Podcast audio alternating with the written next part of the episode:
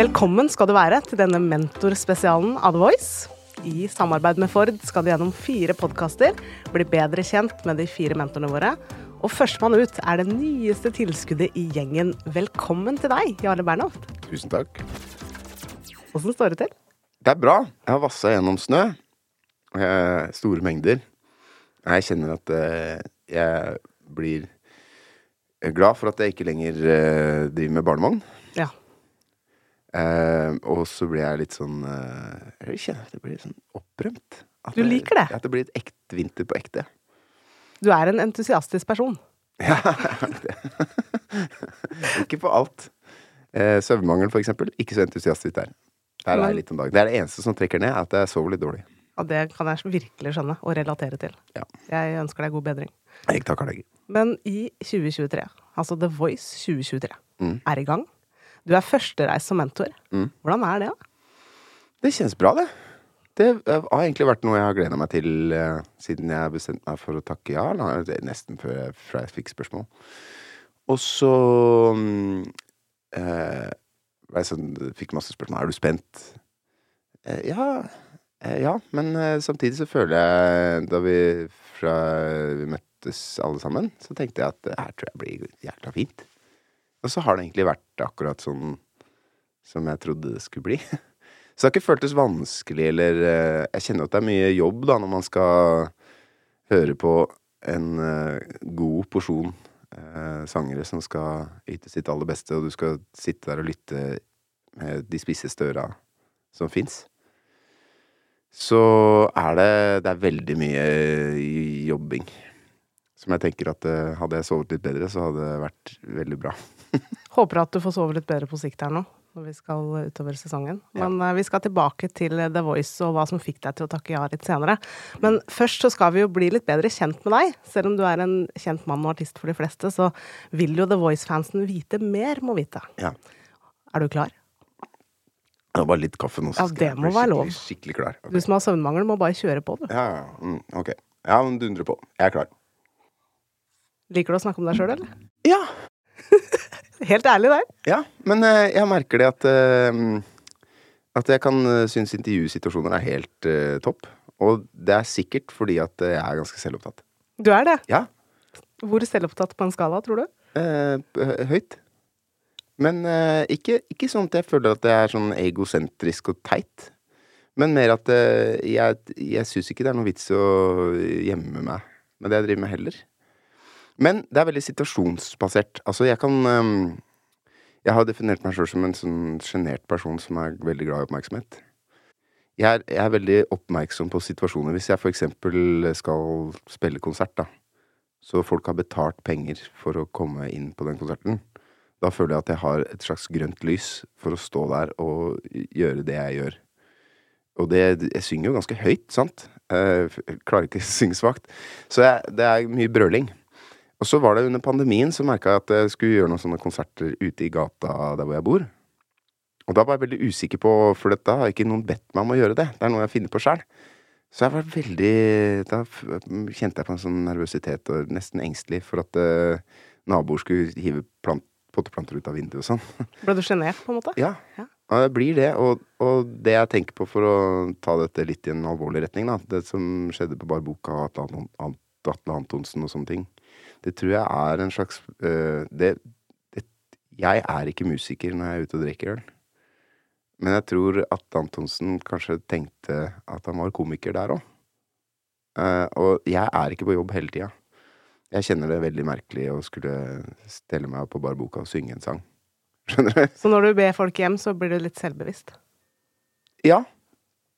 Eh, selvbevisst veit jeg ikke, men jeg, er nok bevisst på rollen Forskjellige roller man spiller i forskjellige faser av en dag eller livet eller hva som helst. da. Da er det jo litt interessant å tenke på hva som er bakgrunnen din. Det må vi litt inn i. Ja. Altså hvem du var da du var yngre.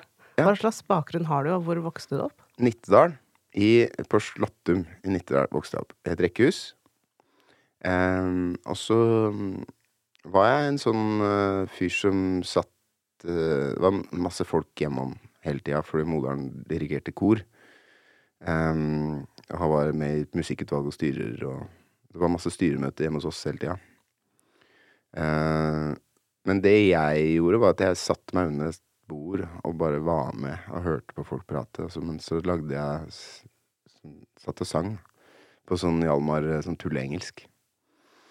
Uh, jeg var veldig musikkinteressert. Hvor tidlig begynte Ja, det? veldig tidlig. Jeg begynte liksom å lage, lage sanger da jeg var tre år. Eh, Jeg husker ingen av de nå, da. Det var veldig dårlige låter. Hvem vet? Og så fikk jeg dritkick på Michael Jackson. Husker jeg hørte noe av Michael Jackson da jeg var type fem, og var dette er the shit. Og så hørte jeg noe av Nick Kershaw, og så tenkte jeg dette er the shit, the shit. Og så hørte jeg Michael Jackson igjen, og så ble jeg overbevist om at dette er det beste jeg har hørt. Og så gikk det sånn mellom de to, da. Um, og så fikk jeg kick på Queen, moderen. Jeg spilte noe Queen-greier, og Elton John var hun også fan av, så jeg hørte masse på det.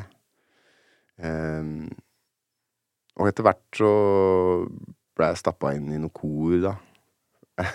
Var du god da? Ja, ja nei, jeg, jeg sang jo fortsatt ganske fint, tror jeg. Jeg var sånn guttesopran. Men før det så tror jeg moderen og faderen så uh, Så sikkert noen headlines som sånn uh, vidunderbarn fra Nittedal. Så de, de så prøvde å få meg til å spille fiolin da jeg var fire år. Såpass, ja. Det var bare tøys. Det fikk du ikke til? Nei. Og så fikk jeg da. fløyte da jeg var ti.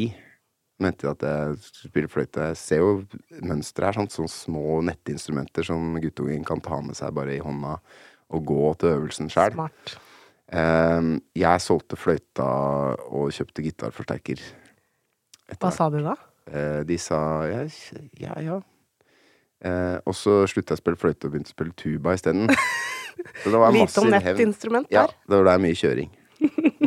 Det var smart. Mm. Du finta dem ut der. Men det, var, det som var kult da hjemme hos meg, var masse instrumenter som bare lå og slang rundt.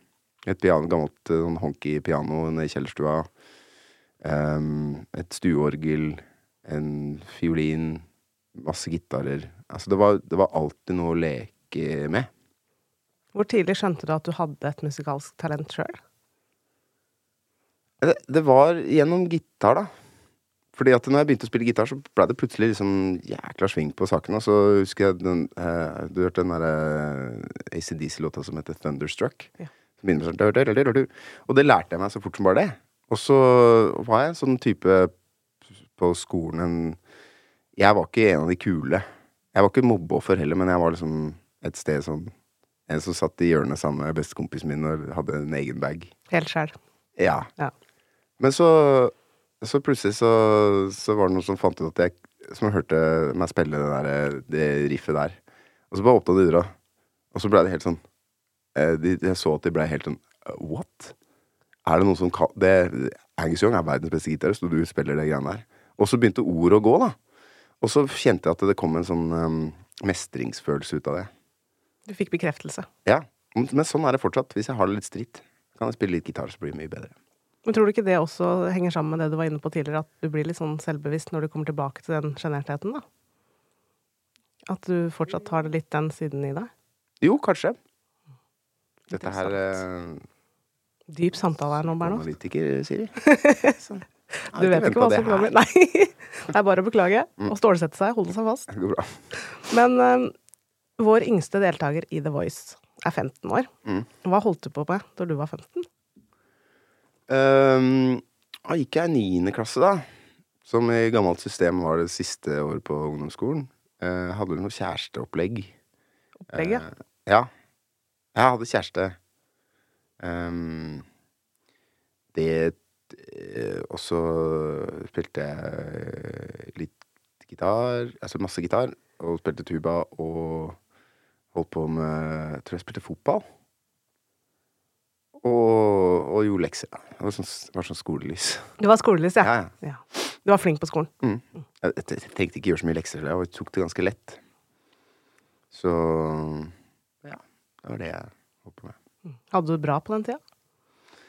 Både og. Jeg følte liksom at den, øh, den tida 15-16 var sånn brytningstid, fordi at jeg kjente at jeg hadde en veldig så sterk drivkraft til å holde på med musikk, og det var ingen som jo, andre som gjorde det. Altså korps og sånn, som jeg også spilte i. Men det var det der med å spille i band var det ingen som dreiv med rundt uh, den delen sør i Nittedal. Uh, som er mot vestlig, da, mot uh, ganske nærme Oslo. Så jeg kjente veldig på en sånn At det var en sånn konformitetspress også. Var, Alle skulle ha sånn Nevika-jakker. Det var et mer- jakkemerke Nevika. Hvis du ikke hadde Nevika-jakke, så var du liksom ikke kul. Eh, jeg husker at jeg kom på skolen med, med en sånn bowlerhatt, sånn skalk. Det syns jeg var stilig, da. Da var det bare en sånn Du kan ikke ha hatt, og så bare tok de hatten og bare kasta den vekk, liksom. Dårlig gjort. Jo, men jeg tror at folk ble veldig skremt. Det tror jeg fortsatt er et mm, litt sånn bygdedyr. At eh, når noen stikker seg ut, så blir de litt sånn uh, uglesett, på sett og vis. Men du turte det, og du hadde et behov for det. Nei, jeg turte jo ikke mer enn etter at de kasta den hatten, da, så følte jeg meg veldig utsatt. Mm. Men jeg Og det skjedde jo bare et par år seinere. Jeg flytta, vekk for å gå på musikklinje på videregående. Hvordan var det? Nei, det var jo å finne seg sjæl. Virkelig, altså. Men jeg tenker jo at jeg er fra Nittedal, men det var jo på den musikklinja jeg følte meg hjemme. Med masse folk som dreiv med det samme, det var masse delte interesser. Det var ekstrem utvikling, altså. Hvor godt var det å finne en slags tilhørighet, da? både menneskelig og musikalsk? Nei, det gikk jo fra å være en snål fyr til å bli en slags sånn lederskikkelse. Og det var veldig digg. Så jeg kjente liksom at uh, Ja, jeg har jo liksom spilt i band og, og så, så, sånn soloartist, at det blir jo fort Jeg tar jo regi på ting. Og det ligger veldig i meg Det var ikke snakk om at jeg skulle gjøre i 90-åren. liksom- Du måtte ut. Selv, selv om jeg var god på gitar. Det var liksom ikke noe hadde jeg vært god i fotball, så hadde jeg vært en lederskikkelse der òg, men Det ble ikke anerkjent nok. Musikken var på en måte ikke stor nok der. jeg tror ikke det var på radaren til folk i det hele tatt. Det var eh, Det var listepop, liksom. Hvordan er det å tenke tilbake på det, egentlig? Altså, det er jo litt sånn sårt, da. Det er sårt, men samtidig så tenker jeg at jeg har vært på en sånn klassereunions for eh, siste året på ungdomsskolen. Sånn type ti år etter. Og det var ganske snålt, for da har jo jeg vært liksom Har jeg spilt i band lenge, vært Altså, da hadde vi jo platekontrakt i England, og liksom gjorde litt eh, ble, Bevegde seg litt, da. Så jeg følte liksom at jeg hadde, jeg hadde klart meg ganske bra. Og så kom jeg tilbake på den eh, reunion, og så er alle roller bare blitt sugd inn i sånn, for, sånn det var for ti år siden. At de som var kule da de var 15, var fortsatt de kuleste. Men jeg tror egentlig ikke det stemmer. Jeg tror de er ganske Ikke sorry folk, men jeg Jeg er veldig glad for at jeg ikke pika da jeg var 15. Ja, det Jeg var heller ikke så veldig kul da jeg var 15, hvis det er en trøst. jeg hadde Regis og spilte klarinett, liksom, så du kan tenke deg sjøl. Du hadde hadde giftig, giftig froskeskudd. ja, det hadde jeg, altså. Ja. og neste hovedoverskrift, det er vel kanskje Span. Det bandet som du var vokalist i. Ja. Hvordan starta det? Nei, det var jo på, på videregående så møtte jeg han Fridtjof Nilsen. Som hadde et band som, eh, som allerede var i gang, som het Explicit Lyrics. Og vi blei gode kompiser, og så var det sånn at jeg med en slags baktanke spurte han hvordan han syntes det var å synge og spille samtidig. For det, det gjorde han, da. Og jeg hadde vært på konsert med det bandet og syntes at han var dritbra til å spille gitar, men kanskje jeg ikke syntes at han sang dødsbra. Eh, hadde vel en baktanke om at kanskje jeg kunne snike meg inn der i et band som allerede var i gang. Så, så innrømmet han at han syntes det var skikkelig vrient. Så kan jeg, kan jeg få prøve, eller? Det er bra. Ja, da, så da prøvde vi det, og så, og så gikk det ganske bra. Etter hvert, da. Så det var jo en sånn eh, Jeg spilte jo litt gitar i det bandet også etter hvert, men jeg følte at det var en sånn kosmetisk gitar. Den hang lavt og var vond å spille på. Og så blei det et slags sånn parallelt liv, for jeg hadde det bandet samtidig som jeg også begynte på Musikkhøgskolen. Så jeg spilte jazzgitar på dagen og sang i rockeband på kvelden. Eh, det var en veldig snål, sånn schizofren tilværelse. Men eh, Men det gikk jo bra. Så gikk det bandet i knas, og så fant eh, han Nilsen og jeg ut at vi skulle fortsette å skrive låter, og så blei det mer popmusikk, poplåter, enn det vi hadde holdt på med i det gamle bandet. Som var litt mer sånn metal-aktig greie. Um, og når vi skulle lage et band ut av dette her, så fant vi ut at vi hadde lyst til å spille de poplåtene, men spille de så knallhardt som vi kunne, liksom. Altså det var sånn powerpop-greie. Uh, og, og det funka ganske bra. Så fikk vi liksom noe interesse fra England, og så fikk vi platekontrakt, og så fikk vi hvilken produsent hadde lyst til å jobbe med, og vi hadde tre navn på blokka, og han som var øverst, hadde lyst til å gjøre det. Så da dro vi til Da vi, bodde vi i England i halvannet år. Tror jeg, og bodde litt i studio, hadde en leilighet liksom i Nordøst-London. Skikkelig rockestjerneliv. Ja, eller det vil si eh, Jeg fint forbinder jo et rockestjerneliv med at man har litt spenn, og vi var jo alltid blakke. Fordi dere ikke tjente de, eller brukte de opp? Nei, vi, vi brukte de vel på sånne ting som var Altså, vi brukte de på stæsj, og det var veldig Vi var ikke noe sånn eh, sånn drugs eh, eh, Folk eh, førte vel var liksom sex, sex and rock and roll. Ja. Ja, vi dreit i det i midten. Droppa drugsa? Ja. altså Like greit? ja. Og, men, uh, men det var et eller annet med å bo i London når man er eh, alltid raka fantast. Alle sosiale settinger er rundt en pub omtrent, og det, det blir liksom litt stress å spørre om noen kan spandere på deg hele tida. Um, Så hvor mye følte du deg som en rockestjerne, egentlig? Dere hadde jo suksess. Dere var jo ja. heite. Nei, altså Jeg kjente jo på at jeg hadde Jeg syntes det var dritfett å spille i det bandet når, eh, når jeg var i form. Det var jo også en grunn til at det gikk i knas òg. Var at eh, stemmen ikke holdt. Og det blei ikke Det blei for mye lyd for eh, halsen å komme over. Men når jeg var i form, så syntes jeg det var dritfett å spille eh, Spille inn og spille konserter med det bandet. Da følte jeg at det var aisa, da. Og når det ikke var bra, så var det min skyld. Fordi at jeg ikke hadde hals igjen, da. Ja, det er tungt. Ja, det var ganske kjipt. Um, så jeg, jeg hadde en sånn uh, Vi spilte på Kvartfestivalen i 2004. Og det var liksom merkelig, for det var en- toppen av det vi hadde drømt om som band. Det sto liksom 10 000-12 000 mennesker på den der idrettsplassen. Og vi spilte en dritbra konsert og alt mulig sånne ting. Og så følte jeg meg liksom tom etterpå. Sånn, hva, hva nå, da? Hva gjør vi nå? Nå har vi liksom spilt inn skive med Gill Norton, som vi hadde lyst til å spille inn skive med, og vi har spilt på Kortfestivalen for dritmasse mennesker, og hvor, hva gjør vi nå? Eh, og så, seinere på samme kvelden, så, så var jeg på en liten sånn klubbkonsert med en britisk rapper som heter Tai, og skjønte at eh, jeg har jo Det jeg har mest lyst til, er å spille bass i bandet hans. Så det var eh, Der kom schizofrenien tilbake igjen og slo meg litt sidelengs. Så det blei en start. Vi lagde jo en skive til med Span, og, men, men jeg hadde jo lyst til å gjøre en mer eh, Dykke inn i den musikken som jeg var blitt ganske frelst på, den der soul-musikken. Så, så jeg hadde liksom eh, Ja, det var en splitt i meg som etter hvert blei forsterket den ene veien, og så så måtte jeg ta konsekvensen av det og slutte i bandet. Men det var Jeg synes jo Jeg følte meg aldri som rockestjerne. Jeg har har aldri følt at det er meg. Jeg føler meg som en musiker. Sant? Det er jo først de siste åra jeg har sett meg sjøl som en, en artist. Jeg har alltid tenkt på meg sjøl som en musiker som også gir ut skiver. Holder beina på jorda, du, Bernhoft. Ja, jeg veit da fanken hva det er eh, Men jeg syns ikke det er noe vits i å la seg rive med av, av suksess heller. Fordi at Jeg syns de som Jeg er veldig sånn det er, det er noe et eller annet eh, Det er sikkert sant, det er beina på jorda. Jeg syns alltid han Karsten Warholm og treneren hans det er De er sånn, så det er bedre Det er bedre godt gjort enn godt sagt. Det er liksom ikke noe vits i å snakke om at man er bra. Eller gjøre det, og så får folk gjøre seg opp sin egen mening. Kloke ord. Takk. Og nå passer det fint å ta inn et spørsmål fra en av dine mentorkollegaer. Oi, oi. Yeah. Hei, Jarle. Det er Ina Wroldsen her med et spørsmål til deg. Og det spørsmålet er som følger. Savner du tida i rockebandets band? Det syns jeg var veldig fett, det dere holdt på med der. Ina syns jeg var skummel.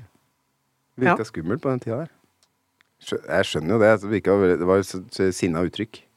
Men øh, jo, jeg, det jeg, jeg savner ikke mm, Det jeg kan savne, er en sånn der fellesskapsfølelse. Sånn der et musketerholdning. At eh, man, man går i ilden sammen. Og, og er veldig sånn var, Vi hadde et veldig demokratisk styresett. Altså, det var mange som forventa at jeg, og til dels også Fridtjof, som, som en slags sånn i Jagger Richards-modus skulle på en måte lede bandet. Men jeg følte det aldri sånn. Det var gjerne vi som tok intervjuer og sånne ting, men jeg følte alltid at vi Vi så det som en sånn 25 hver. Eh, greie. Og det kan jeg savne, at man, man, er, eh, man har en sånn, sånn samhold som er sterkere enn enn eh, stormen.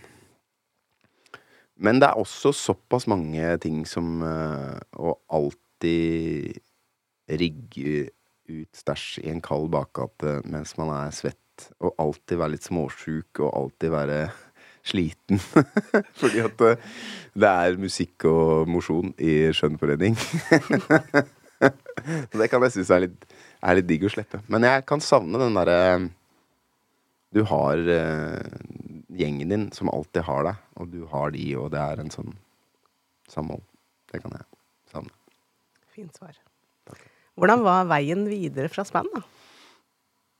Den var jo broket. Altså Det som jeg gjorde først, var å melde meg opp eh, til å studere på Blindern. Jeg har tatt X-Fill, bare på flipp, for eh, For å sjekke om du klarte det? på en måte? Ja. Sånn uh, melde meg opp og aldri dra på en forelesning og lese, og så gå opp til eksamen og se åssen det gikk. Og det sto? Jeg sto eh, den, eh, den eh, ene oppgaven som handla om Kirkegård sin filosofi. Der fikk jeg liksom dritbra. Så var det en del, sånn logikkdel som jeg ikke hadde Og det er sånn der veldig partikulær eh, sånn akademisk logikk, og der sto jeg med et nødskrik, da, så jeg Så jeg, jeg, jeg fikk, jeg, fikk jeg besto eksamen. Men det var liksom mens eh, Det var tror jeg før Span ble laga. Altså sånn bare noe jeg gjorde for mange, mange år siden. Og så Så jeg, jeg meldte meg opp til engelsk litteratur. For jeg tenkte liksom ok, nå er bandet ferdig, kanskje jeg skal vokse opp og, bli, og få meg en ordentlig jobb. Så jeg tenkte at jeg kanskje kan få bli lærer, da. Engelsk eh, musikk, et eller annet sånt skjæringspunkt der. Det hadde du sikkert passa til. Ja, kanskje. Det er jo kanskje det jeg driver med nå, sånn mentorrolle. Det er sånn litt lærer. Kan kombinere det. ja. Også, men eh, det som skjedde da, var at jeg loka på noen sånn oppmelding på fag, sånn at jeg eh, På andre semester så måtte jeg ta noen andre fag, og da hentet jeg på filosofi. Og så Og så møtte jeg Lisa der, da. Altså som jeg er gift med. Eh, så jeg var litt glad for det sånn i etterkant. Og så, mens jeg mm, holdt på med filosofi, så lagde jeg også låter. Og det var også sånn eh, Lisa var en sånn ekstremt viktig sparringspartner. Sånn, så jeg, jeg tror egentlig kanskje at jeg lagde jækla mange låter for å, for å vise den og imponere henne litt. Smart. og så og så spilte jeg det også for eh, folk på Universal, altså en som heter Yngve Næss, som jobber på Universal med den plata til Kristin, og så likte han det veldig godt også. Og så til slutt så blei det bare Faen, nå har vi jo elleve låter, skal vi ikke gi ut skive, da? Og så blei det første soloskiva mi, som heter Ceramic City Chronicles. Og da var jeg på en måte i gang med den Det jeg hadde Det jeg prøvde å gjøre, var å lage en soulskive. Jeg var, vet fortsatt ikke om jeg har lykkes med det, men jeg, det var liksom noe i den tråden som jeg Som jeg kjente på splitten i Span. Det tok jo tre år, da. Med diverse Følte liksom at det der prosjektet til Kristin også var en sånn studietur inn i afroamerikansk eh, musikk. Og, og spiritual spes spesifikt, da. Og det jeg føler at det jeg dreiv med, var en slags avart av det. Eh, litt mer oppdatert i en sånn 60-70-talls eh, lydbilde.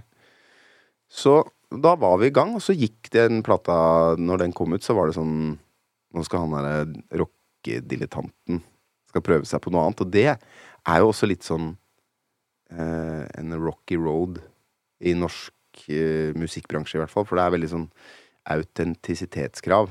At hvis du gjør én ting, så burde du helst holde deg til det skomakerholdet til din lest, på en måte.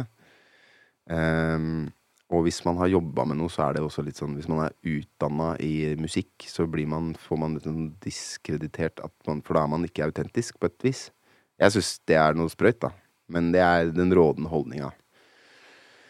Um, og at jeg beherska en annen sjanger, var på en måte litt sånn by default, det, det går ikke. Så den plata fikk en slags blanda mottakelse. Noen syntes det var gøy, eh, andre syntes det var noe skvip.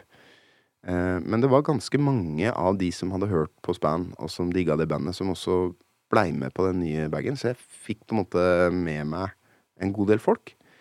Og så var det sånn med den skiva at den, den gikk eh, liksom ganske bra. Det var jo VG-lista albumsalg, da, så gikk den ganske bra. Så duppa den fort ned. Men så ga han seg på en måte aldri.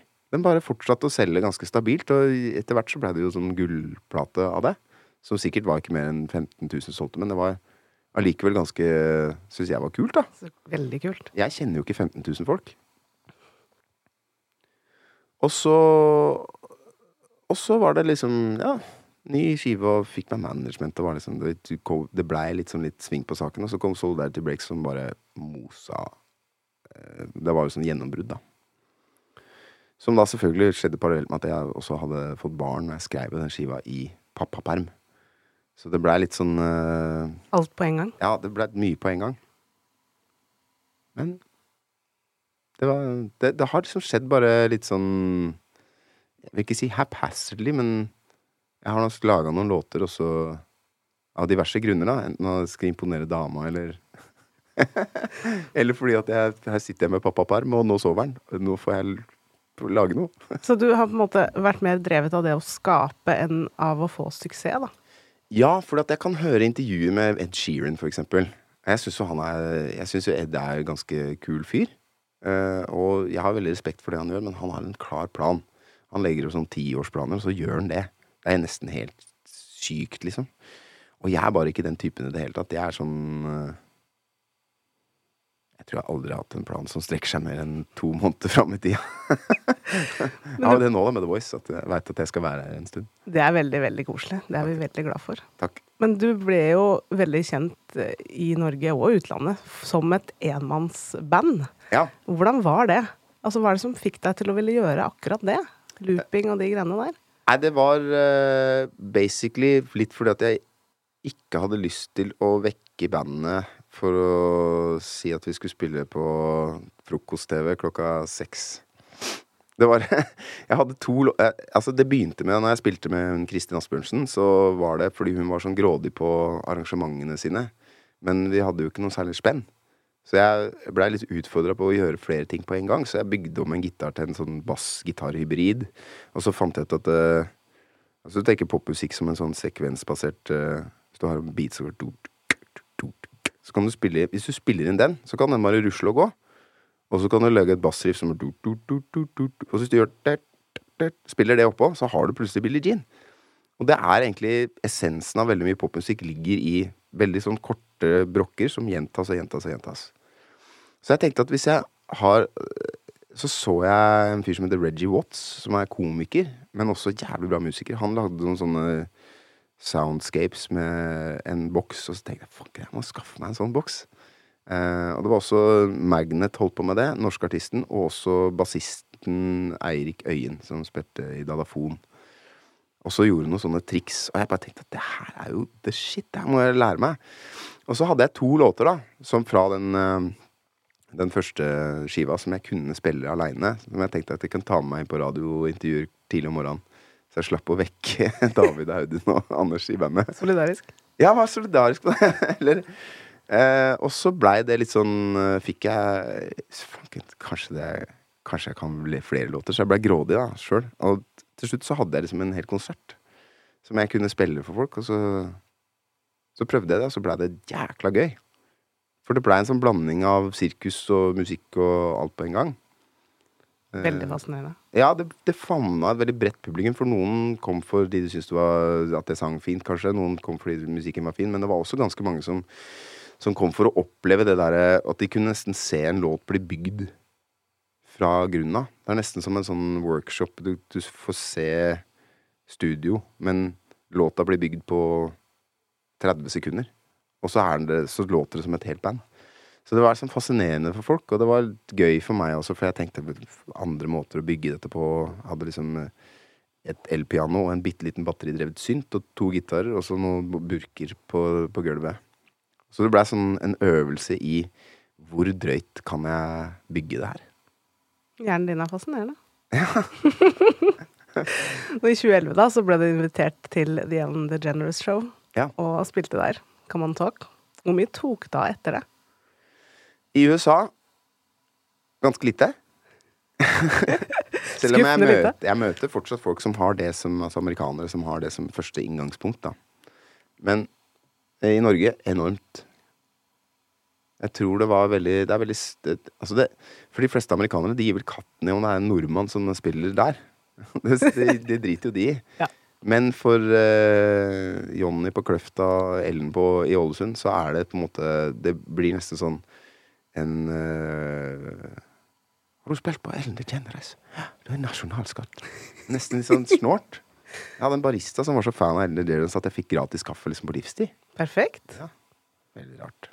Og jeg jeg, altså jeg bare smilte og lo, jeg. Altså, Gredde håret mitt. Ja, det var jo virkelig ditt år òg, da. Fordi du fikk jo Årets Spellemann Ja. i Norge Mm. i 2011. Og så fire år senere nominasjon til Grammy i USA for beste R&B-album. Ja, tenk det. Tenk deg det. Mm. Hva betydde egentlig den type anerkjennelse for deg som artist? Jeg tenkte på det faktisk bare for noen dager siden. At uh, For å gå tilbake til den derre uh, opplevelsen av Altså hvis du, hvis du ser på hva som har blitt sagt om meg i forskjellige intervjuer, eller hver gang vi møtes eller noe sånt, så var det jo sånn eh, de, de forskjellige folka rundt det bordet Når vi snakka om hverandre, så var det sånn Du har så bra tekster, og det er så ektefølt, og Mens med meg så var det sånn Du er så dyktig musiker. At det blir på en måte Jeg tror at det skygger det, det jeg driver med, som er på en måte sånn eh, Veldig sånn håndverksmessig solid, kan for mange skygge over en autentisitet eller en ektefølthet eller en låtskrivergreie. Uh, som gjør at de ikke egentlig får øye på det. Det føler jeg er en veldig norsk ting. Eh, Norge har veldig sånn enkle skal ikke kunne ting for bra, for da blir det ikke ekte. Det er liksom indie-rock og country som en dominerende musikalsk kraft, og norsk soul er på en måte ikke helt eh, på stell. I hvert fall i, iblant en sånn kritikerstand, eller eh, sånn kritikerrost musikkstand. Men så kommer den Grammy-nominasjonen på en plate som har blitt litt sånn eh, sett på som kvisa på Solidarity Breaks sin rumpe. Såpass, ja. Ja. Den floppen som kom etter den suksessen. Og, og så blir det litt sånn Neimen, I soulens hjemland så, så skjønner de det. Så jeg følte Og det kjenner jeg, kan jeg fortsatt kjenne på at jeg driter så tynt i om uh, en eller annen anmelder syns at det jeg lager, er skitt. Fordi jeg trenger ikke, å, trenger ikke å bevise noe. Og det er en veldig deilig posisjon. ja. Skål for det, holdt jeg ja, skåler for det. Ja. Men det er, det er på en måte Sånn sett har den nominasjonen vært eh, Altså, selv om du går på ski i Kina, så er det ingen, altså, det er ingen som Men så kommer du på pallen i, Olym i OL på, i langrenn. Da spiller det ingen rolle hva kineserne mener om skigåinga. Da har du fått det til, da. Men er det det punktet i karrieren din der du følte at du lyktes, eller er det et annet punkt du kan trekke ut der du kan si at du tenkte for deg sjøl nå har jeg virkelig fått det til? Jeg tenker det hver gang jeg opplever at jeg har publikum som glemmer Og det kan jeg kjenne noen ganger, at, jeg, at det blir en sånn stemning i et rom hvor alle trekker i samme retning. Og alle glemmer hva de sleit med den morgenen. Eller at de har dårlig råd, eller hva fanken de, de baler med. Og nesten blir en sånn enhet som har lyst til å bare dra på telttur sammen etterpå. Det, det er det viktigste for min del. Så sånn, sånne opplevelser som som forener folk, da. Du skaper en stemning. Ja. Som forhåpentligvis er god, men som i hvert fall er veldig enhetlig blant de folka som er der. Det, det, det kjenner jeg på. Det, det er den beste tingen som fins. Når du får et ellers ganske oppjaga publikum til å holde helt kjeft fordi jeg spiller noe som er stille. Eller få folk til å danse manisk, liksom, til noe greier. Uh, Første gang jeg spilte i Danmark Altså ut, første gang jeg spilte utafor Norge, og folk uh, kunne alle låtene, og jeg sang ikke en flekk, for jeg bare satt og spilte gitar, og så sang folk trestemt, og det var helt insane. Første gang jeg spilte i New York, hvor jeg opplevde at eh, jeg starta å spille, og så spilte jeg to takter, og så begynte folk å brøle. Da tenkte jeg liksom ok, men det er ikke bare bra til å være norsk, dette her. Dette her er, Det, her, det kommer til å holde hele veien. Um, Det må være så kult, da. ja. Det har vært noen sånne opplevelser som jeg tenker Jeez, så kult å ha fått oppleve det her greiene her. Det er, det er så, da er det så greit å liksom ta på regndressen til kiden og gjøre oppvasken og re opp senga. og ha hverdag. ja. Vi skal tilbake til din hverdag, men først skal du få et spørsmål fra vår venn Espen. Ok. Hei, Jarle. Du har jo jobba med ganske forskjellig musikk i karrieren din. Kunne du gått tilbake i dag i voksen alder og lagd et nytt rockealbum?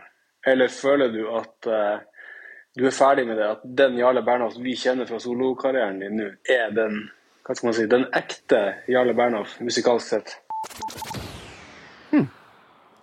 Takk for spørsmål. Eh, jeg tror at jeg allerede har gjort det. Jeg ga ut en skive som het Humanoid, med et band som vi kalte for Fashion Bruises. Og i det bandet så var trommeslageren Fredrik Valmrød, som spilte i band, og bassisten Vemund Stammen, som spilte i band, eh, og, og meg. Så var på en måte nesten hele det gamle bandet. Eh, og jeg syns at det er en rockeskive. Eh, men jeg kjenner jo at det der å spille i et band, eller, eller å gjenforenes band, er på en måte ikke Det har jeg ikke så interesse av. Fordi jeg kjenner at jeg er sånn som blir litt sur på a-ha, for eksempel. Som drar på avskjedsturné, eh, og så tre år etterpå gir ut skive, og så drar de på ny avskjedsturné. Du skal være konsekvent, mener du? Ja, jeg kjenner at det, det, er, det er å lure folk. Ta den. Der fikk de Og den. Morten og Magne. men men eh, Og det kan godt hende at jeg har lyst til å spille i et band en gang. Altså jeg føler at, men jeg føler at jeg gjør det. da Eh, De konsertene som vi Som vi gjør nå, er Jeg føler ikke at det er sånn eh, Sånn som det var for 10-11 år siden, hvor det var dress og Dress og tamburin og blåserekke og sånne ting. Det er blåserekke nå også, men det er mer en sånn Det er mer en rockepakke. Eller rock'n'roll, da. Jeg syns det er veldig kjedelig med rock uten roll. Helt enig. Ja.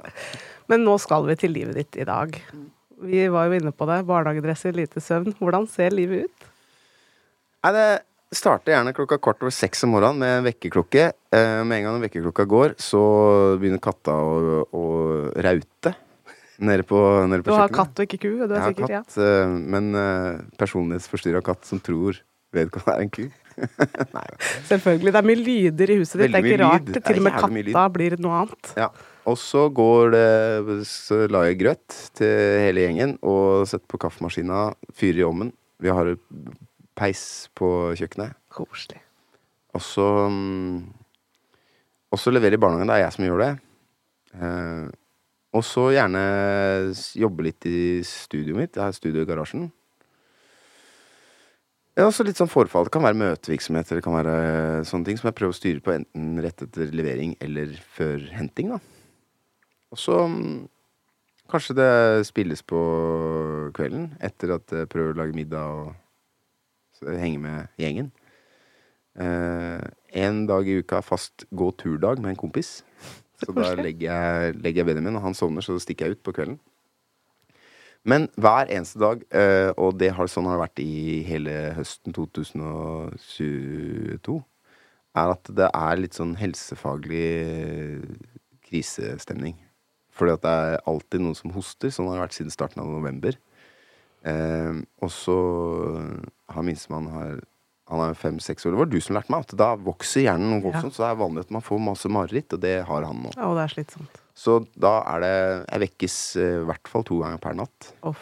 Og ligger litt på nåler, så jeg får liksom ikke dyp søvn. Og da får ikke hjernen hvilt, og da Nei, får den ikke får ikke reparert seg. Får ikke vaska den. Og da blir det helt Blir du sint? Sur? Grinte? Oh, Ja, det, alle de tingene. Gjør det det, eller?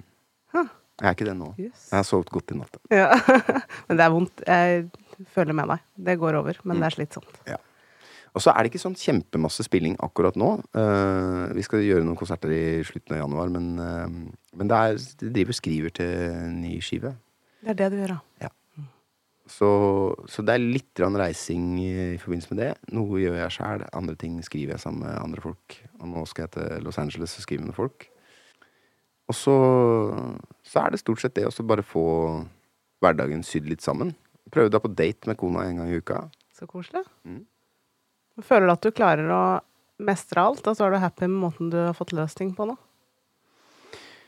Ja, ja Nei, jeg er ikke sånn veldig misfornøyd med noe, egentlig. Bortsett fra det med søvnmangel, så er det ren velstand på alle fronter. Så deilig. Eh, ja. Det er, det er veldig, veldig kult.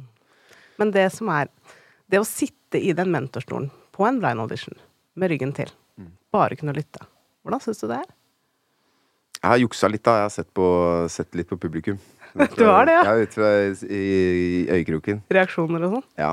Men, men det er jo øra som er uh, først og fremst uh, det viktigste. Og jeg, jeg syns det har vært kult, altså. Men jeg er jo sånn når jeg hører på musikk også. Det ikke, jeg har ikke en sånn visuell Jeg trenger ikke å se det. Jeg syns ofte musikkvideoer er uh, overflødig. De dritbra musikkvideoene er dødsbra, men det er bare Det er vel fåtall musikkvideoer som er bra. Resten er liksom vise fram et eller annet produkt. Og da kan jeg like gjerne bare stenge av det og så lukke øya. Men hva var grunnen til at du takka ja til å bli med på The Voice? Du har jo gjort så mye, du hadde jo sikkert mange muligheter, men så får du et spørsmål. Vil du være mentor på The Voice? Hva tenker du da? Nei, altså Jeg er jo ikke en sånn som ser mye på TV, så, men jeg har fått med meg liksom konseptet, og jeg syns at det er by far det mest eh, sympatiske av alle sånne konkurransekonsepter. Um, jeg syns også at uh, Jeg kjenner Josef litt fra før. Syns han er en veldig stilig fyr. Liker han godt. Espen har jeg så vidt møtt, men jeg liker han òg. Og Ina syns jeg er dødsbra på det hun driver med. Så jeg hadde bare Jeg kjente at eh, At jeg var klar for å takke ja. Så så jeg på noen, eh, noen snippets fra forrige sesong også, og fikk egentlig syntes at det virka som folk hadde det jækla fint på jobb. Og så også at jeg kunne passe godt inn i gjengen. Trives du? Ja, jeg gjør det, altså. Det er veldig godt å høre. Det er uh, en fin gjeng. Både, både foran og bak kamera, syns jeg. Så bra. Da har jeg et spørsmål til deg. Hva er den ultimate The Voice-låta på en blind audition? Ah, det må jo være en som uh, på en måte får fram kvalitetene i stemmen til den som synger den. Er det en som har en veldig dyp stemme, så, så er det noen låter som passer bedre enn andre. Og hvis det er en som har en sånn heltetenorstemme, så er det dumt å velge, velge en Madrugada-låt, eksempel. Men uh, jeg tror det må være noe som kan bergta, som er, eh, har tekst som kommer fram, som er emosjonelt uh, gripende. For, for eh, Det er jo kjempeviktig for eh, Spesielt for Ina og Espen, føler jeg, at teksten er De er veldig sånn tekstfokuserte. Jeg har lært mye av det. Eh, men det må være noe som, som de kan på en måte få vist fram det de driver med på. Og det er noen som gjør bedre enn andre, syns jeg, på blindaudition. Hvis du skulle på blind Jeg skjønner at det ikke er det første du tenker på at du skal gjøre, men hvis du måtte, Ja. hva hadde du sunget hvis det ikke var din egen låt? Å ja, men da er det sikkert noe sånn eh, soul-greier. Altså Hvis jeg eksempel skulle breska meg litt, så hadde jeg sikkert valgt en Sly and the Family Stone-låt, hvor jeg kan både være Sly, Freddy og eh, Altså alle, alle som Graham Chapman synger nedi der. Altså, jeg, jeg har gjort det noen ganger. eh, og vært hele Sly and the Family Stone i én person. Så det hadde jeg kanskje gjort hvis jeg skulle breske meg. Ellers hadde jeg kanskje tatt en Bill Withers-låt hvis jeg bare skulle belta til. Donny Hathaway, kanskje. Um, jeg veit ikke. Jeg må finne en som er kort nok også, da. For det er jo tidsbegrensninger i TV-formatet. Det er bare et par minutter, vet du. Ja. Finn en solo-låt som er under fem minutter. Lykke til. Du har et dilemma. Ja. Hvis du Nei, men jeg tror kanskje jeg hadde, jeg hadde, jeg hadde valgt uh, Everybody's a Star, med the Family Stone. Kort låt, fin, alle kjenner den. Det er en uh, fin, oppbyggelig tekst. Og jeg kan være mange Jeg kan være selvmultipliserende.